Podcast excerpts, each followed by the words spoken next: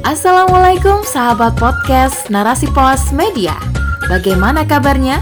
Semoga sehat dan selalu berkabar baik dan senantiasa dalam lindungannya. Amin ya robbal alamin. Kali ini saya Dewi Nasjak akan menemani dalam rubrik medikal dengan tajuk Otak, organ vital yang menakjubkan. oleh Renita. Inilah pentingnya otak dalam proses berpikir yang dilakukan manusia, sehingga manusia dapat menentukan perbuatan atau keputusan berdasarkan akalnya, bukan dengan hawa nafsunya saja. Dengan berpikir, manusia dapat meyakini keberadaan Allah, memahami ayat-ayat Allah, dan melaksanakan seluruh perintah Allah Subhanahu wa Ta'ala dengan penuh kesadaran serta ketundukan total padanya. Selengkapnya, tetap di podcast Narasi Pos Media. Narasi Pos, cerdas dalam literasi media, bijak menangkap peristiwa kunci. Manusia merupakan makhluk ciptaan Allah Subhanahu wa taala yang paling sempurna dibandingkan dengan makhluk lainnya. Penciptaannya merupakan suatu proses yang sangat mengagumkan dan tidak ada satupun yang sia-sia. Kita wajib mensyukuri semua yang telah Allah ciptakan dalam tubuh kita dengan cara menjaganya sebaik-baiknya. Keberadaan tubuh manusia dari ujung rambut hingga kaki merupakan bukti kekuasaan Allah yang dapat dijadikan sebagai objek berpikir dalam rangka meningkatkan keimanan kita kepadanya. Salah satu organ yang Allah ciptakan dalam tubuh manusia adalah otak. Bagaimanakah otak menurut tinjauan medis? Bagaimana pula Islam memandang otak manusia? Otak merupakan organ vital manusia yang memiliki beberapa bagian dengan fungsi dan tugas yang berbeda dalam menjalankan sistem kerja organ tubuh. Otak termasuk organ yang paling kompleks karena tersusun dari berbagai jaringan penopang serta miliaran sel saraf yang saling terhubung satu sama lain. Otak dilindungi oleh selaput otak atau meninges, juga tulang tengkorak dan terhubung dengan saraf tulang belakang. Volume otak manusia sekitar 1350 cc. Otak adalah pusat sistem saraf yang berperan dalam mengontrol seluruh pergerakan manusia. Bagian utama otak terdiri dari otak besar atau cerebrum, otak kecil atau cerebellum, serta batang otak. Otak besar merupakan bagian terbesar dalam anatomi otak manusia yang berfungsi sebagai pengatur gerakan dan koordinasinya, penglihatan, sentuhan, pendengaran, penalaran, penilaian, pemecahan masalah, emosi, dan pembelajaran. Otak besar terdiri dari otak kiri yang berperan mengontrol gerakan di bagian kiri tubuh dan otak kanan yang mengatur pergerakan bagian kanan tubuh. Otak kecil berperan dalam menjaga keseimbangan, mempertahankan postur tubuh, dan mengontrol koordinasi gerakan. Batang otak berfungsi mengatur pergerakan dasar tubuh seperti detak jantung, peredaran darah, dan bernafas. Otak diselimuti oleh cairan bening dan jernih yang disebut cerebrospinal yang berperan dalam melindungi otak dari benturan di kepala atau cedera otak. Otak merupakan pusat kesadaran manusia, sehingga benturan atau cedera otak yang menimpa seseorang dapat menyebabkan hilangnya kesadaran. Selain itu, cairan cerebrospinal juga berfungsi membawa nutrisi ke otak serta membuang sampah dari dalam otak. Dalam otak terdapat membran atau selaput yang berperan sebagai pembatas antara darah dan otak.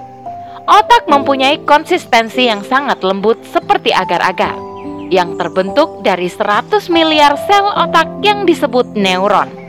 Neuron memiliki miliaran koneksi dengan organ lain dalam tubuh. Sel neuron pada otak mempunyai miliaran serabut menyerupai akar tumbuhan yang disebut dendrit.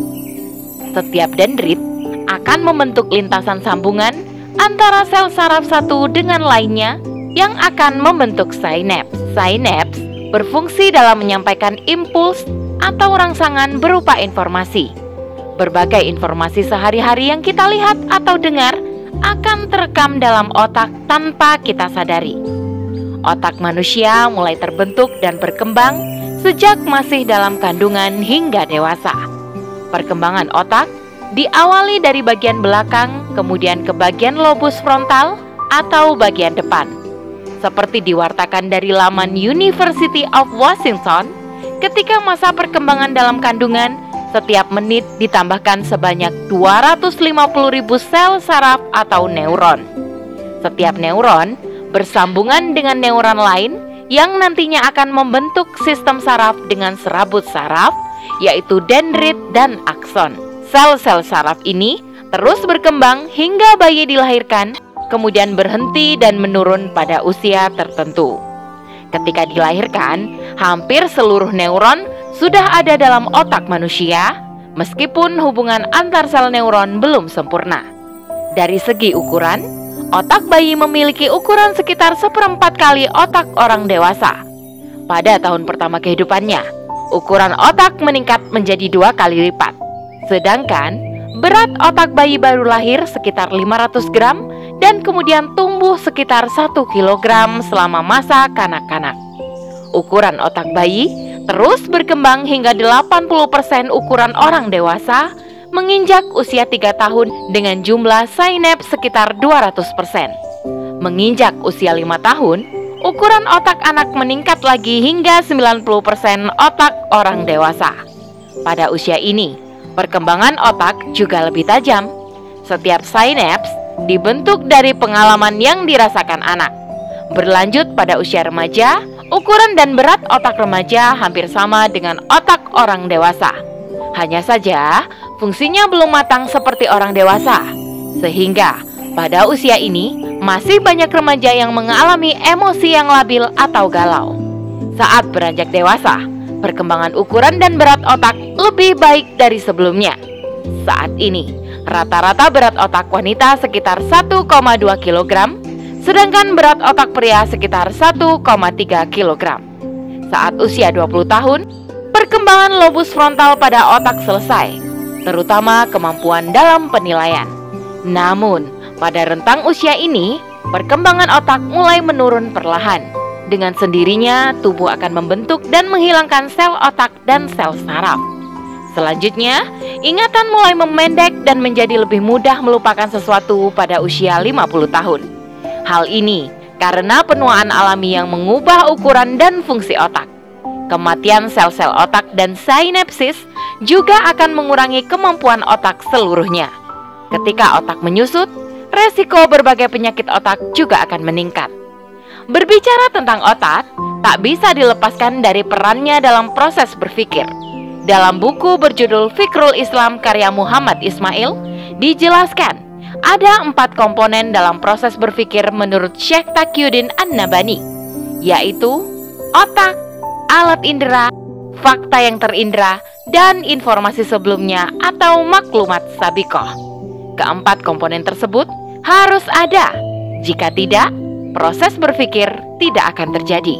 Inilah yang dimaksud dengan akal, yakni proses penginderaan terhadap fakta atau objek melalui panca indera yang diolah dalam otak dengan disertai informasi-informasi terdahulu guna menafsirkan fakta tersebut.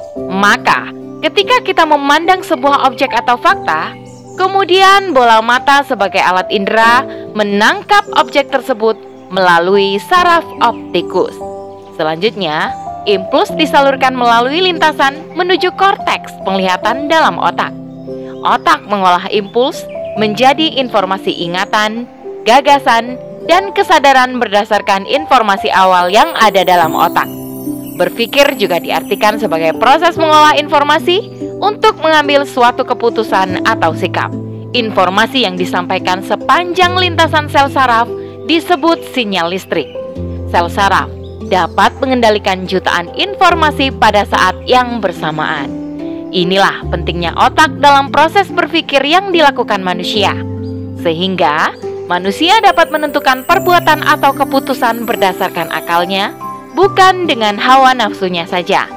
Dengan berpikir, manusia dapat meyakini keberadaan Allah, memahami ayat-ayat Allah, dan melaksanakan seluruh perintah Allah Subhanahu wa Ta'ala dengan penuh kesadaran serta ketundukan total padanya.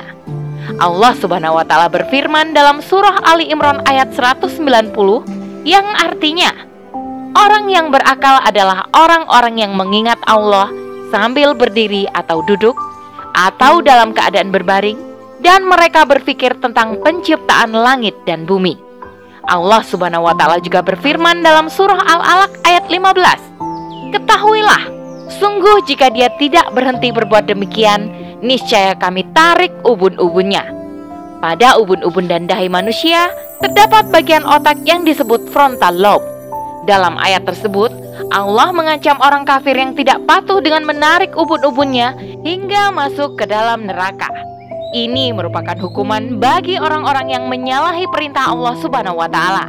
Selain itu, bagian otak yang terdapat di ubun-ubun manusia berfungsi dalam mengarahkan perbuatan seseorang. Ketika seseorang akan berbohong, pada bagian frontal lobe yang bertepatan dengan ubun-ubun dan dahi inilah tempat pengambilan keputusan itu berada. Begitu pula ketika seseorang akan melakukan kemaksiatan atau kesalahan, semua keputusannya juga terjadi di bagian ubun-ubun atau frontal lobe. Maka dari itu, Islam selalu mengajarkan kepada manusia untuk berpikir menggunakan akalnya sebelum bertindak, sehingga manusia dapat mengambil keputusan yang benar tanpa menyalahi Al-Quran dan As-Sunnah. Masya Allah.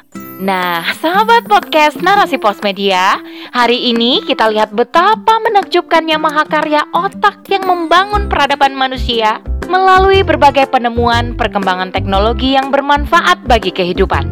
Inilah keistimewaan otak yang berperan dalam proses berpikir dan pengambilan keputusan pada manusia. Melalui proses berpikir, manusia bisa meningkatkan derajatnya melebihi malaikat. Sebaliknya, manusia bisa lebih rendah dari hewan jika tidak menggunakan akalnya dengan baik. Demikian pula, pentingnya otak yang sehat bagi manusia sehingga dapat memikirkan segala sesuatu dengan baik dan menghasilkan keputusan serta tingkah laku yang benar. Manusia yang selalu berpikir dengan berlandaskan pada nas-nas syara akan mampu berpikir dengan cemerlang. Mereka menyibukkan dirinya dengan hal-hal yang bermanfaat serta meninggalkan kesia-siaan. Selain itu, mereka juga mampu membangkitkan diri dan orang-orang di sekitarnya menjadi masyarakat yang maju dan mulia. Wallahu a'lam bishawab. Demikian rubrik medikal kali ini, sampai bertemu di rubrik medikal selanjutnya. Saya Dewi Nasyak undur diri. Afu minkum wassalamualaikum warahmatullahi wabarakatuh.